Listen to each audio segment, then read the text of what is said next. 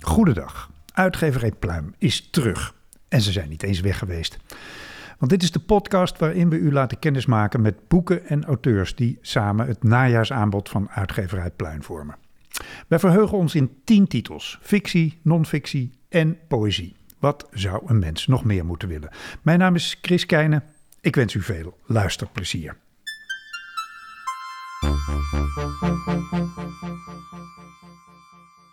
Emma Curvers is filosoof, journalist met specifieke interesses als popcultuur, film, feminisme, subculturen en media. En ze schrijft dan ook onder meer televisierecensies voor de Volkskrant. Ze debuteerde in 2014 met de roman Iedereen kan schilderen. En nu is er een tweede roman, Melktanden. Dag Emma. Hallo. Wat een intrigerende titel. En je mag nooit aan een auteur vragen om de titel uit te leggen. En dat doe ik nu toch. Oh, oké dan. Um, uitleggen. Ja, maar het is wel een beetje alsof ik nu soort van... Ben jij zo iemand die, die, die de kruiswoordpuzzels maakt met de oplossing ernaast? Uh, nee, ik maak nooit kruiswoordpuzzels. nou ja, laat ik maar zo zeggen. Um, er zijn melktanden in het spel. En uh, die melktanden worden ontvreemd door Aha. de hoofdpersoon. En die, die draagt zij uh, gedurende de reis die dit boek is bij zich. maar ja, verder kan ik dat natuurlijk niet gaan zeggen. Maar ik vind melktanden gewoon een heel mooi gegeven uh, om, het staat voor mij voor een soort, toch voor een soort verliezen van onschuld, denk ik. En uh, ik vond zelf ooit een keer mijn melktanden onderin een verhuisdoos terug. En dat vond ik zo'n uh, verschrikkelijke ervaring. Dat ik dacht, oh, hier moet ik een keer iets mee doen. Ja, ja, ja, ja. Nee, het is een prachtige titel. Uh, en ik begrijp heel goed dat je dat niet verder gaat uitleggen. Ik las wel op je website: het is een boek over een vrouw met een obsessie voor de minnares van haar vriend en voor pretparken. Nou, bij dat eerste kan ik me het een en ander indenken, maar leg die tweede obsessie eens uit. Uh, ja, ja de, dus de ik-persoon, Lon heet zij, zij heeft uh, een, een obsessie voor, voor pretparken. En dan met name wel voor, voor achtbanen, maar ook voor de, de sprookjes die, die om pretparken natuurlijk heen hangen. Uh, Disney als voornaamste voorbeeld. Um, ja, en dat heeft toch te maken met een, een hang naar, naar veiligheid die zij heeft. En een, en een drang naar controle. Ik denk dat veel mensen wel een, een veilig gevoel hebben bij Disney-verhalen, die toch de wereld eigenlijk uh, netjes indelen in, in categorieën en ons heel veel leren over uh, goed en kwaad. Uh, maar dan uiteindelijk moet je die verhalen natuurlijk wel loslaten. Mm. want op een gegeven moment voldoen ze niet meer helemaal. maar dat veilige gevoel van Disney, dat, dat houden veel mensen toch in hun volwassen leven vast. Ja. ik wel in elk geval. Ja, ja. Maar bij, bij je hoofdpersoon Lon gaat het uh, niet helemaal zo. Ik lees even een klein stukje van de brochure. Het leven zoals Lon het zich had voorgesteld kan beginnen. Ze gaat samenwonen met haar vriend Philip. Ze nemen samen een hondje. Alle puzzelstukjes vallen in elkaar. Maar kort daarna zet Philip alles in één klap op zijn kop. Hij wil geen monogame relatie en hij is verliefd op een vrouw die alles is wat Lon niet is. Xenia. Ja, nou ja, sprookje uh, in rook opgegaan zou ik denken. Als, als ik dat lees, denk ik ook dat ik een moderne zedenschets ga lezen. Is dat zo? Uh, nee, ik denk, ik denk het eigenlijk niet. Tenminste, dat is niet uh, mijn bedoeling om met dit boek per se commentaar te geven op uh, veranderende normen rondom relaties of zo. Want dat is een beetje zoals ik een zedenschets dan uh, begrijp. Aha. Ik denk wel, ik denk dat, dat het boek meer gedreven wordt door gevoelens die, die toch wat tijdlozer zijn, zoals uh, jaloezie of uh, wraakgevoelens. En die komen denk ik binnen moderne relaties, spelen die net zo goed een rol.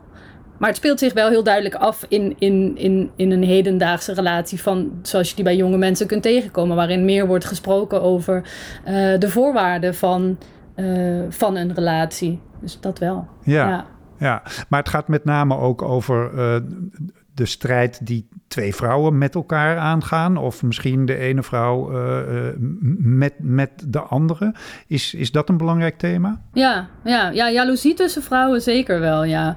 Dat heeft wel denk ik een maatschappelijk component. Want ik denk wel dat voor veel vrouwen wel herkenbaar is dat, dat vrouwen, andere vrouwen, toch een beetje geleerd wordt soms om, om hen als competitie te zien in relaties. Met name uh, single vrouwen. Die moet je misschien toch een beetje eerder wantrouwen. En er zit een soort scheefheid uh, in als je kijkt uh, hoe dat bij mannen en bij vrouwen gaat. Dus, dus als een man een affaire heeft, dan, dan is die andere vrouw toch wel een beetje een, ja, een takkenhoer, zeg maar.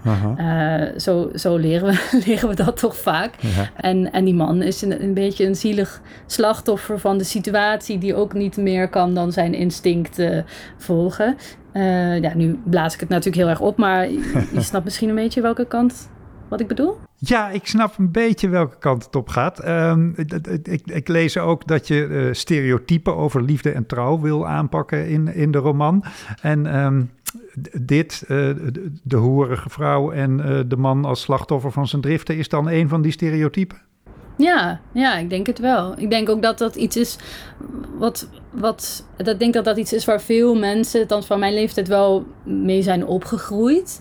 Dat, uh, dat beeld in films van, van vrouwen die eigenlijk een soort hoeders van de, van de rust moeten zijn in veel situaties. En ik denk dat dat iets is waar ik wel uh, waar ik ook moeite mee heb gehad om dat te, te, te overwinnen of zo om vrouwen op op, als net zo verantwoordelijk als mannen uh, te zien. En ik denk dat, ja, ik denk dat dat in heel veel cultuur rondom ons nog steeds zit, zit ingebakken, dat beeld. Dus dat, was, dat is iets wat ik wel interessant blijf vinden. Kijk bijvoorbeeld naar, um, kijk bijvoorbeeld naar de relatie van Dreetje Hazes met Bridget Maasland. Die man had een gezin. En uh, Bridget Maasland was de stoute verleidster die hem uh, uit dat gezin uh, had weggelokt. En die krijgt dan uh, de reacties uit de onderbuik, zijn dan toch de gevoelens van die, die, die gaan over de vrouw als, als verleider. Ja, ja, en die arme Dreetje, ja, ach, die is ook maar zo gebakken als die gebakken is, hè? Ja, ja precies. ja, ah. ja de, de, de, over de melktanden wilde je ook niet al te veel kwijt. Dus ik durf het bijna niet te vragen. Maar wat kan je zeggen over de manier waarop de vrouwen die strijd met elkaar aangaan? Ja, dus de uh, Lon die ontwikkelt in eerste instantie een obsessie voor die andere vrouw. Die dan ook nog Xenia heet. Wat natuurlijk ook uh, weer een heel, heel gevaarlijk klinkt. Uh, op een manier zoals misschien wel meer mensen dat tegenwoordig zouden doen. Dus via sociale media in eerste instantie. Um, maar zij komt op een gegeven moment op het spoor dat Xenia een oma heeft, uh, Louise, die um, een beetje eenzaam is en die deelneemt aan een maatjesproject. Ik weet niet of je dat uh, kent, maar dan gaan uh, eenzame ouderen, die krijgen dan iemand op bezoek. Um, en Lon wordt het maatje van die oma. Uh, dus zij gaat eigenlijk het leven van die minnares, maar zeggen, binnendringen. En, en probeert op die manier een, een deel van de controle uh, over de situatie te krijgen. In eerste instantie is dat een soort wraakactie, zou je kunnen zeggen. Of een soort dreigement uh, bedoeld. Maar zij krijgen dan, zij en die oma, Louise, daar ontstaat eigenlijk een, een band. die dan dus vrij dubbelzinnig is in de oorsprong, maar uiteindelijk toch wel uh, hen iets brengt. En alle drie eigenlijk. Ja, en dat maakt het leven alleen maar weer ingewikkelder natuurlijk. Ja, natuurlijk. Het moet wel ingewikkeld worden. Oké. Okay. Dankjewel, Emma Curvers. En uh, Melktanden verschijnt op 15 januari 2021.